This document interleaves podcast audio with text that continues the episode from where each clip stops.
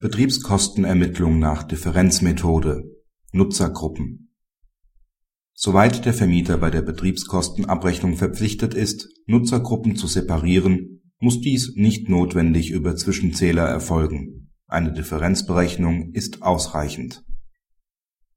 Dem BGH liegt jetzt der Fall vor, dass der Vermieter die Betriebskosten für das Gebäude, in dem sich neben Mietwohnungen auch eine Gewerbeeinheit befindet, in der Weise abrechnet dass er deren Wasserverbrauch durch einen Zwischenzähler erfasst und die Differenz zum Hauptwasserzähler nach dem Verhältnis der Wohnflächen auf die Wohnungen umlegt. Der BGH trägt dieses Vorgehen mit.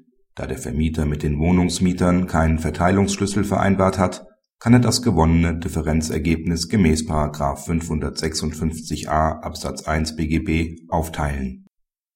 Praxishinweis wenn die Entscheidung auch zur Folge hat, dass in einem Gebäude unterschiedliche Verteilungsschlüssel Anwendung finden, ist ihr zuzustimmen.